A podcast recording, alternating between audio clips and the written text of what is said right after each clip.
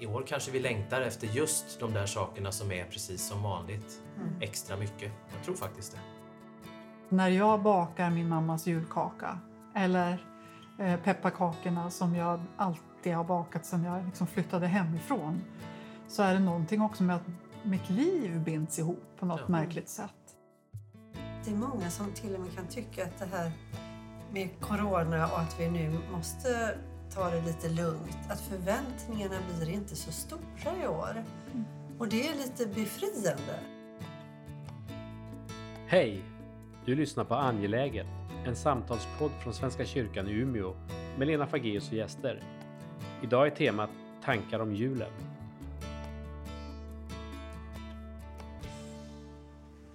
Då får jag hälsa er välkomna. Välkommen du som lyssnar.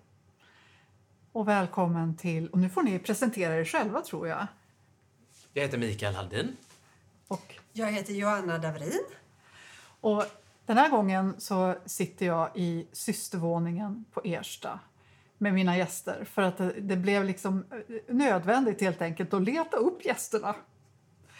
Eh, och så att Joanna, du arbetar här på Ersta. Mikael, du har arbetat här på Ersta men Stämmer. arbetar nu i domkyrkoförsamlingen i Stockholm.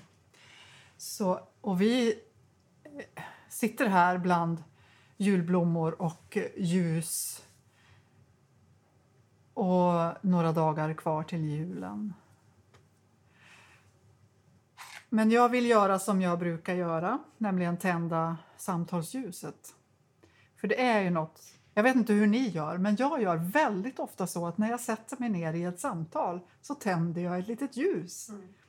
För att det är någonting med, det är någonting med närvaron och stillheten och Nej, men det gör jag sker. också. Jag tänder ett ljus för, för den jag sitter och pratar med och för mig själv och för oss och vårt Ja. samtal. Ja. Som, och för mig har det också alltid betytt att det är en slags bild för Guds närvaro. Mm. Vi gör så nu också.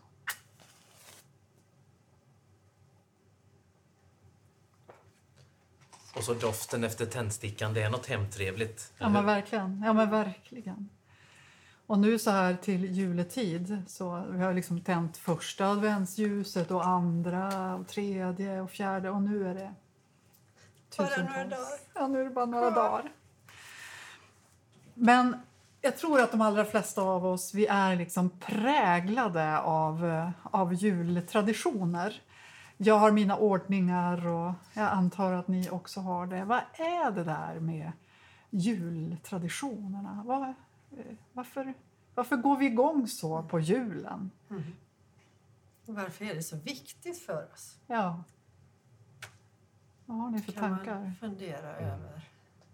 För det är viktigt, eller? Det är viktigt. Och jag tror att kanske ett år som detta, det är lätt förstås att halka in var vi befinner oss 2020. Ja. Så kanske det är viktigare än någonsin med det som bryter vardagen och det som skapar gemenskap, det som är bortom eh, det nya, det som li- lutar sig mot det gamla och invanda traditionen. Jag tror verkligen det har en särskild betydelse just nu. Ja. Mm. Ja, för det finns någonting med det där. Det, var, ja, det, ja, men det finns någonting med att, att när jag bakar min mammas julkaka eller eh, pepparkakorna som jag alltid har bakat sedan jag liksom flyttade hemifrån så är det någonting också med att mitt liv binds ihop på något Ja. märkligt sätt. Mm. Så det, det är inte... eh, Man kan kanske tycka att det där med traditioner kan man vara utan. Men eh, nej, jag är inte så säker på att... Eller det gör Men- någonting viktigt med oss i Mm. alla fall. Men jag, absolut, jag tror precis som du säger Mikael att också att traditioner, eh, det gör ju... Det, det är ju det man kan, traditioner är ju det man kan ha kontroll på. Mhm. På något sätt kan Ja. jag tänka.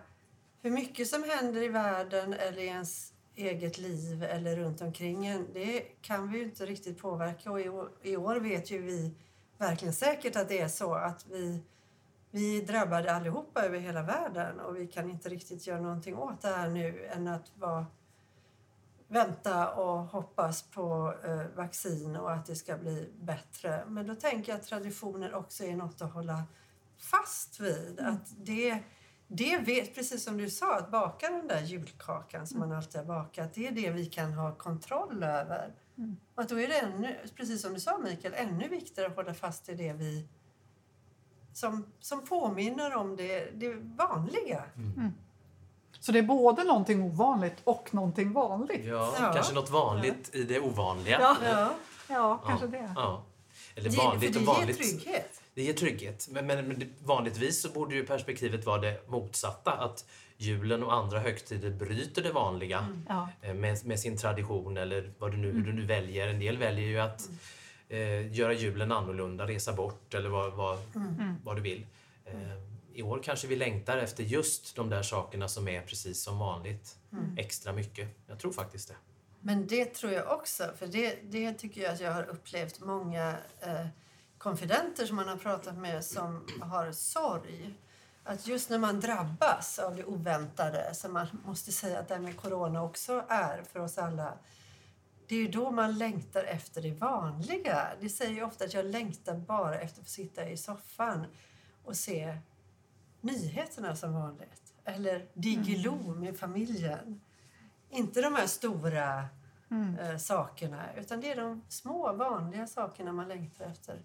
Om man är, befinner sig liksom i oroliga tider. Och samtidigt när du nu nämner det där eh, så tänker jag också på alla som i alla fall, som jag antar att ni också känner igen den här de där berättelserna av att ja, men första julen efter en förlust så är man inte så väldigt benägen att, att göra som vanligt för att då blir man så påmind om att det blir aldrig som vanligt igen. Mm. Att det finns en, en stol som är tom vid vårt bord och att det på en, en jul eller ett nyårsfirande eller så blir väldigt påtagligt. Så. Och det, det blir naturligtvis så med all respekt för vad vi pratar om nu att för väldigt många blir det här en väldigt annorlunda jul såklart. Det går, det går inte att upprätthålla traditionerna för någon kanske är borta eller någon befinner sig på en annan del av, av landet eller i riskgrupp eller vad det nu är. Så det måste vi också säga att vi såklart har med oss i diskussionen. Att det kan bli en väldigt vanlig jul för många men en väldigt ovanlig för andra. Ja, och verkligen också från flera håll, Ja. eller hur? För att det är ju också, eh, det är ju också det där med att... Vad ska man säga? Det, det är alltid så eh, speciellt att tala om det när man själv sitter och har både partner och, och människor som man firar julen med och så. Men att det finns så många som faktiskt inte har det. Mm. Utan som, eh, som sitter ensamma för sjunde året i rad. Just de här dagarna. Men det- där, ja. Ja, det, det tror jag också, för det tycker jag att jag har hört, hört flera har nämnt att, att, att eh, om, man, om man kanske känner sig lite ensam eller ledsen eller man är hemma och sjuk eller isolerad att det är många som till och med kan tycka att det här med corona och att vi nu måste ta det lite lugnt, att förväntningarna blir inte så stora i år. Och det är lite befriande istället. För man behöver inte höra alla familjer som pratar om hur trevligt de ska ha och hur många de ska träffas och det här stora julkalaset. Utan alla är lite mer dämpade och man har inte så mycket planer och många ska fira i lite mindre konstellationer och så och att det då är lite befriande kanske. Mm. Mm. Jo, för man ska väl veta också, tänker jag i alla fall, att en tradition är ju också något som kan skapa förväntningar i hög grad. Att vi, vi brukar göra så här eller det här. Och, och när det då inte blir så, så vet vi också att det kan väcka eh, det kan väcka besvikelser och, och eh, ja, motsatt effekt på något sätt. Att, men vi brukar väl inte ha det så här, förstår ni? Ja. Det, det, det är förväntningar i luften också och det är alltid vanskligt. Så kanske får vi hjälp att tagga ner lite på dem. kan du ha rätt i. Jag tänker jul är ju så, det tycker jag själv, alltså det är ju så laddat med jul. Jag tänker bland vänner och min familj, ändra så älskar man jul. Eller så tycker man jätteilla om jul och vill bara åka bort som du sa Lena. Eller man, man egentligen väljer att vara ensam och stänga in sig och bara hoppas att julen ska bli, gå över. Så att, vad, är, vad är det som gör att det är så laddat? På gott och ont. Det, man har någon slags eh, bild framför sig ändå av hur det ska vara. Alla ska vara sams, alla ska tycka om varandra. Eh, maten ska vara god. Snön ska falla. Snön ska, Ska falla och singla. Det ska vara så vackert. Och sen så blir det plaskblött. Ja. Ja, Och så pannkaka. pannkaka istället för julskinka. Nej, men, Ja, det var lite Eh. min tanke, liksom, att det är som gjort för, för besvikelser när man gör för stora Ja. förväntningar förstås. ja. Men, men det är Jag vet ju- att jag berättade för er den här gången när jag, när vi, när jag bodde i prästgård. Jag bodde i några Ja. år i prästgård. Och så ett fantastiskt hus med utsikt över sjön och kyrkan intill. Åh, så sa vi, jag, jag och Kjell, att i år, i år ska vi verkligen bjuda in och bjuda till. Och så bjöd hem liksom hela min familj på julen och hela hans familj, syskon och syskonbarn och allt vad det var, föräldrar. Och på nyåret. Och det hela slutade med att vi var helt slut och, all, och bestämt oss för att aldrig mer göra så. för det blir så otroligt arbetsamt. Ja. Och att det, sen så har vi firat jul oftast själva Ja. eller med, någon, med några vänner eller så. Inte så kravfullt. Nej. Men att det är någonting med det där med att vi har en bild av hur det ska vara men sen lever vi oss inte riktigt in i hur det, Nej. Hur det verkligen är att ha sin kritiska mamma där eller, eller syrran som bara klagar. Eller vad det nu kan vara. Ja, då, som kan är. vara. Men det är konstigt att vi, att vi liksom bara för att det blir jul så glömmer vi bort hur våra relationer ser ut i vardagen. Vi borde ju ha lärt oss att ja, men jag har den där relationen med min, ja, med min mamma eller den där mostern har jag så svårt för. Men då är det som att då glömmer man bort det och tror att allt ska vara helt löst plötsligt på julafton. Och så blir det tvärtom. Och så blir det tvärtom. Man borde ju på något sätt mogna med åren och in, veta lite vad Ja. som ligger framför en. Eller hur det är. Ja. Jag sa det också om Fanny och Alexander när farmor där i, i, i eh, filmen, hon säger ju till något av hembiträdena, du är alltid sur på julafton, säger hon. Så där, när de har levt tillsammans så där länge så, så förmodligen väckte det väl känslor i det här hembiträdet och eh, även att hon fick sitta vid fina bordet så Ja. var det ändå, var hon ändå ledsen för någonting och, och det, eh, ja, så det, det blottas. Tror jag. Men det kanske är det att man liksom i vardagen så lyckas man ändå då förtränga kanske det man är ledsen över i, som brister i relationer och så. Och, man, och man lever på i sin vardag, man jobbar och liksom allt måste pågå. Men på, på jul så, så, så tunnas vårt försvar ut lite grann. Att vi blir mer känslomässigt lite öppna, för vi längtar så. Vi vill så gärna. Så att då, då kommer de här besvikelserna upp, liksom, även det vi längt, har längtat efter i livet. För det är klart att en tradition som återkommer är ju som gjord för att jämföra med tidigare år Ja. också. Så, eh, så att det är klart att det kommer, det kommer ikapp känslor av glädje och, och smärtsamma minnen och vad du vill. Eh, människor som inte finns bland oss längre. Eh, och det är klart att det präglar kanske det här sura hembiträdet eller någon Ja. annan, mig själv. Jag vet att Babben Larsson, hon sa, nu citerar jag fler här, men hon sa någon gång om det där som du sa om, om min arga mamma eller vad du sa. Eh, att, att hon hade då någon bild av det här städandet och fejandet ju till jul. Och eh, dag, kvällen före julafton hade hon inte lyckats det här året, vilket hennes mamma alltid gjorde då. Plocka ur allt ur köksskåpen, och diska det och torka alla hyllor och lägga in nytt papper eller på vilken nivå det nu var och ställa tillbaka alltihop igen. Säkert nödvändigt, men behövde det göras just inför julen? Och då kom hon på när hon hade satt in allt. Ja, just det, hon är ju död. kom hon på. Det satt så djupt i henne att så skulle man göra. Hon skojar säkert om det, men så skulle man göra. Det här ska hinnas. Om det inte det där är gjort så blir det liksom inte jul. Nej, då blir det, det är inte. ju, det är ju eh, ett ok i så fall. Ja. Jag kommer ihåg också, jag kommer ihåg när jag, var, när jag var liten så kommer jag ihåg att just mamma var uppe och det var nog inte bara min mamma utan många kvinnor som var uppe sent, sent, sent på kvällen just för att hinna göra klart allting. Och laga det, sista maten och gömma, ja, göra klart julklapparna och allt.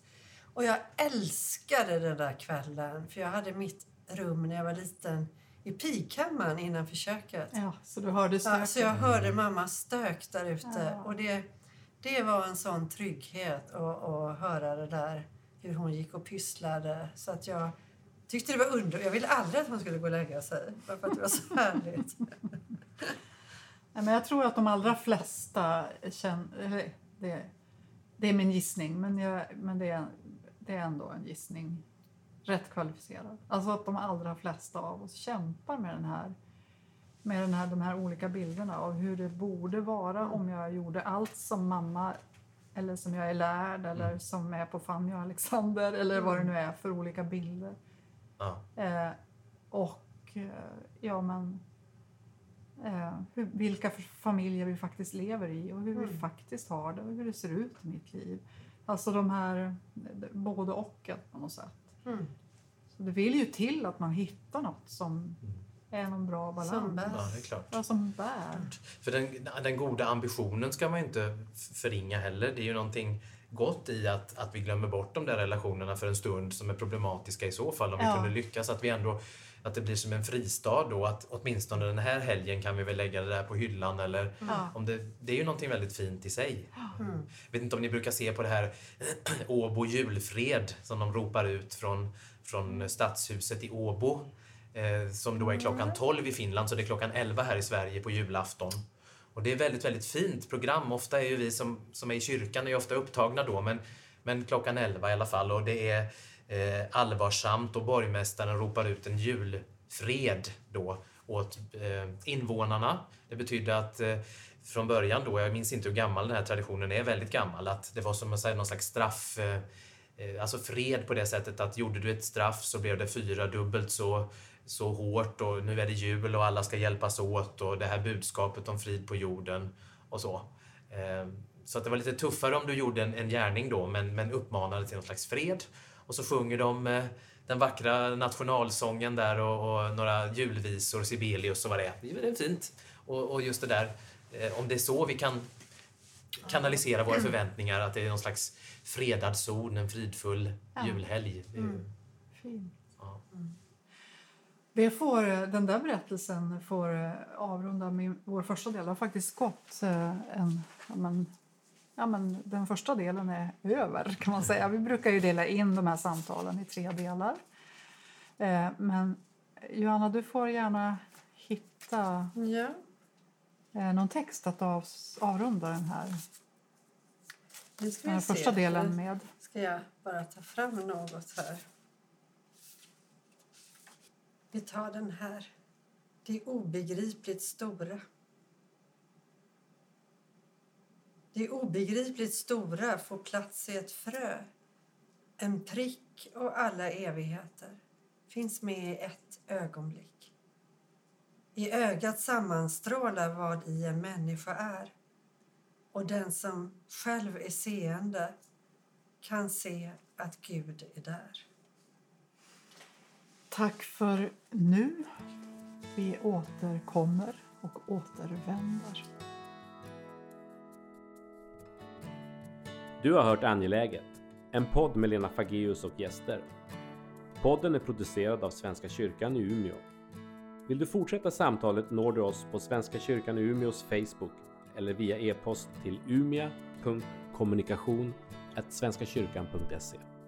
Tack för att du lyssnade.